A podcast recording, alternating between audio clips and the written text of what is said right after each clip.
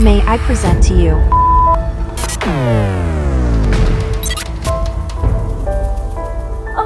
Nog voordat mensen in steden woonden, het vuur kenden, het schrift uitvonden of naar een podcast luisterden, was er al prostitutie. In de natuur komt prostitutie ook voor. Denk maar aan pinguïns die in ruil voor seks elkaar steentjes geven om hun nest te beschermen tegen het opkomende water. En waarschijnlijk doen sommige apensoorten ook aan prostitutie. En men zegt dat prostitutie het oudste beroep ter wereld is. Maar is dat wel zo? Om dat te weten te komen moet je eigenlijk terug in de tijd. Heel ver terug in de tijd. Zo zijn er beeldjes gevonden, zogenaamde Venussen. Dat zijn vrouwenbeeldjes met uitzonderlijk grote geslachtskenmerken.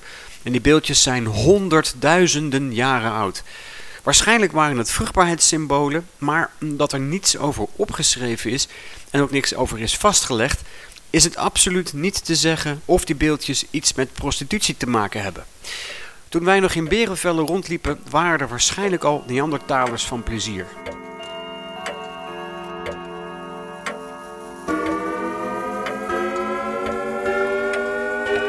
Dus we gaan wel terug in de tijd, maar minder ver. Met Willemijn Havenaar. Zij is Assyriologe en zij weet heel veel van de eerste beschavingen van de mensheid, zo'n 3500 jaar geleden in Mesopotamië. Het tweestromenland tussen de rivieren de Eufraat en de Tigris. Was er toen al prostitutie? En wat is Assyriologie precies? Mijn naam is Bas Dekkers. Welkom bij de eerste aflevering van de Prostcast. Assyriologie houdt in uh, de studie van het spijkerschrift in Mesopotamië en de omliggende regio's. En dat uh, reikt van Mesopotamië zelf, uh, nu Irak en een deel van Syrië, tussen de rivieren de Tigris en de Eufraat. En daar komt ook de naam Mesopotamië vandaan, dat betekent ook tussen de rivieren. En wat daaromheen ligt, dus een gedeelte Iran, een gedeelte van Turkije, en daar zijn allemaal spijkerschriftteksten gevonden in verschillende talen. Want dat is het ding, een spijkerschrift is een schrift. De tijdsperiode, de studie daarvan, begint dan met de uitvinding van het spijkerschrift. Zo rond 3500 voor Christus. En dat eindigt met eigenlijk het verdwijnen van het spijkerschrift. Eh, en dat gebeurt in de eerste eeuw na Christus ongeveer. Ruim 3000 jaar aan geschiedenis. En in die periode waren er verschillende beschavingen, allemaal met hun eigen cultuur en ook hun eigen taal, die allemaal spijkerschrift gebruikten. Stel dat we nou de tijd kunnen terugdraaien en we lopen door de stad als Babylon of Oer. Wat zien we dan? Hoe zien die steden eruit? Eigenlijk begin je vanaf 3000 voor Christus met het, de vroegere dynastieperiode. Dus hier heb je wel stadstaten met uh, vaak een, een, koning of een hoge priester. En het merendeel van de mensen woonde in een stad. Het grootste gedeelte van de mensen was boer.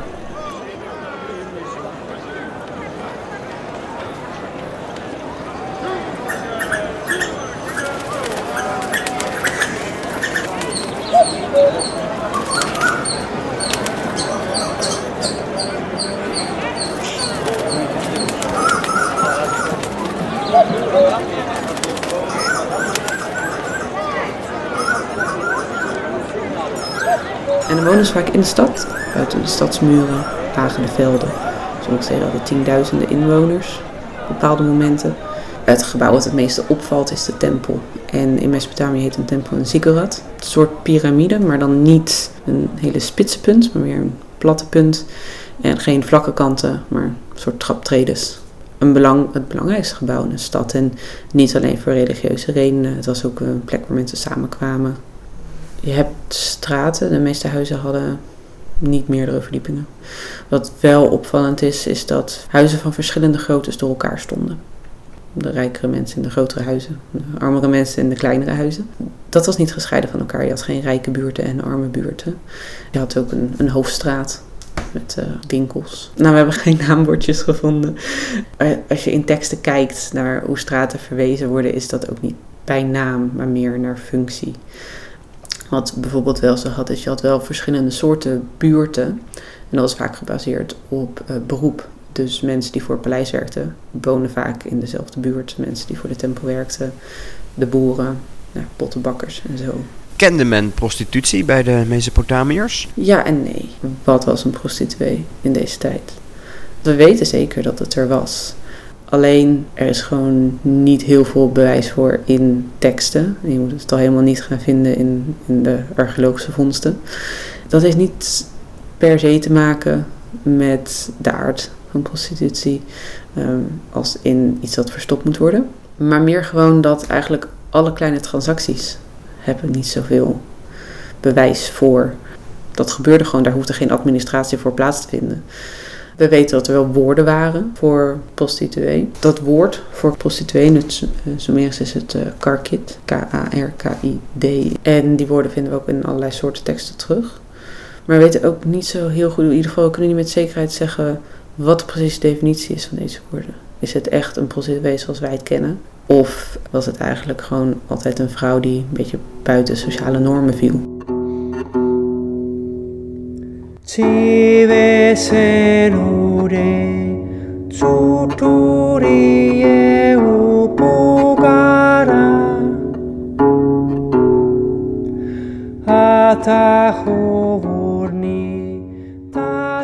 Sowieso een bestaande associaties met prostituees zijn herbergen.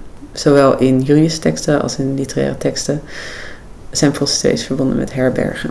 En nou kon de eigenaar, of ieder geval de, de houder, de manager van zo'n herberg, kon zo'n man of een vrouw zijn. In administratieve teksten vinden we vaak de mannelijke term daarvoor terug. En in juridische teksten zijn eigenlijk bijna alle vermeldingen zijn van vrouwelijke uh, houders van herbergen en bijna geen mannelijke. En ja, een, een, idee daarachter kan zijn is dat herbergen die geleid werden door een vrouw ook wel dienden als. Uh, bordeel? Ja. ik vind het soms lastig om woorden te komen, maar ja, als een bordeel.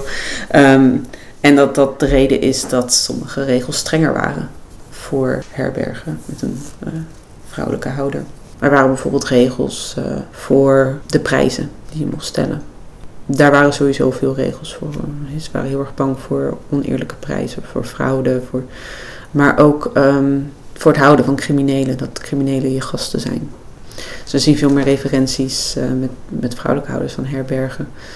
Als je het dus hebt over um, criminelen bij herbergen of uh, herbergen die fraude plegen het meest interessante aan die tekst is dat het dus weer opnieuw die associaties heeft. Dus als je die verschillende teksten samenpakt, dan kan je zeggen: oké, dat woord. En wij vertalen dus dat als prostituee, die hadden een associatie met een herberg. Dus dan kunnen we bedenken dat, uh, ja, dat je daar prostituees kon vinden. Vaak wordt ook prostitutie verwezen als uh, niet alleen bij de herberg, bijvoorbeeld ook bij de stadsmuur, maar dan in de schaduw. En er zijn ook verwijzingen naar een slaapkamer. Dat de, de seksuele handeling zelf vond plaats in een slaapkamer. Zowel bij prostituees als tussen man en vrouw in hun eigen huishouden. En dat ook mannelijke prostituees.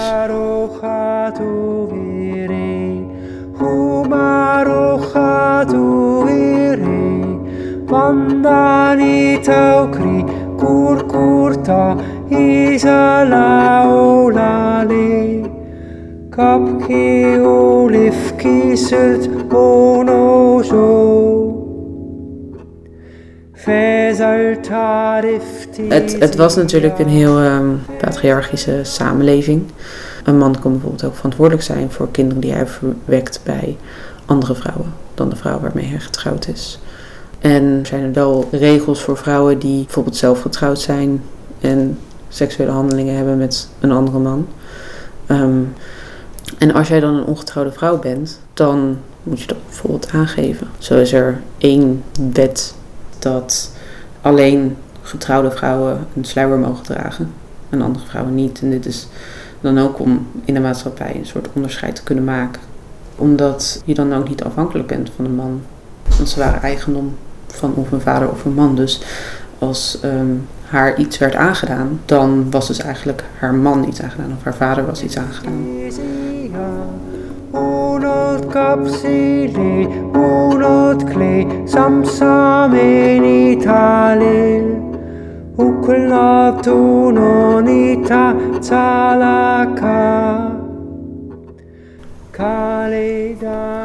Een, interessante referentie is, is het verhaal van, uh, van Gilgamesh, heel bekend verhaal.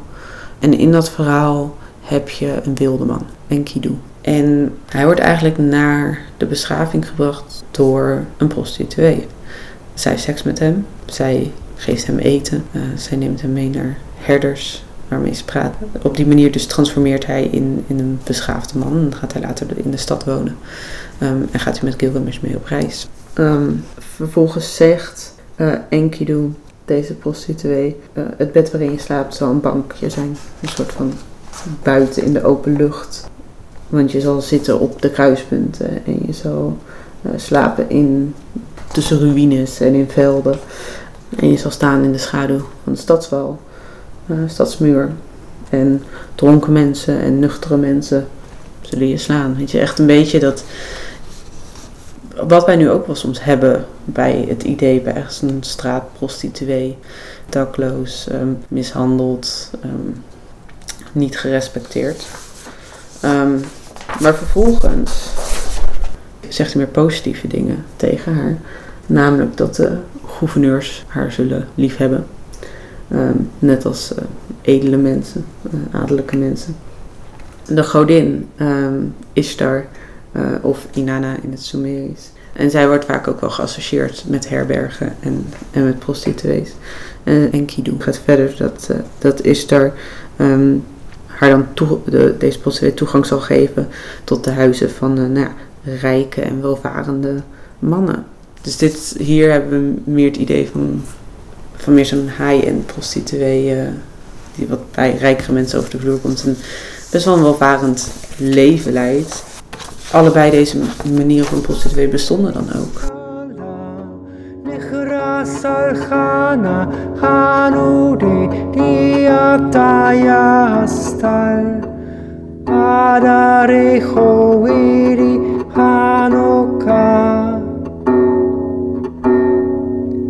Asati Fefe Chanuku. Het is zeker niet dat een prostituee in Mesopotamië iets heel anders was dan een prostituee nu. Tegendeel. Dus heel veel gelijkenissen zijn. Um, voor Mesopotamiërs alleen lastiger definiëren wat een prostituee precies was en wat het aanzien was. Worden niet per se de stad uitgejaagd.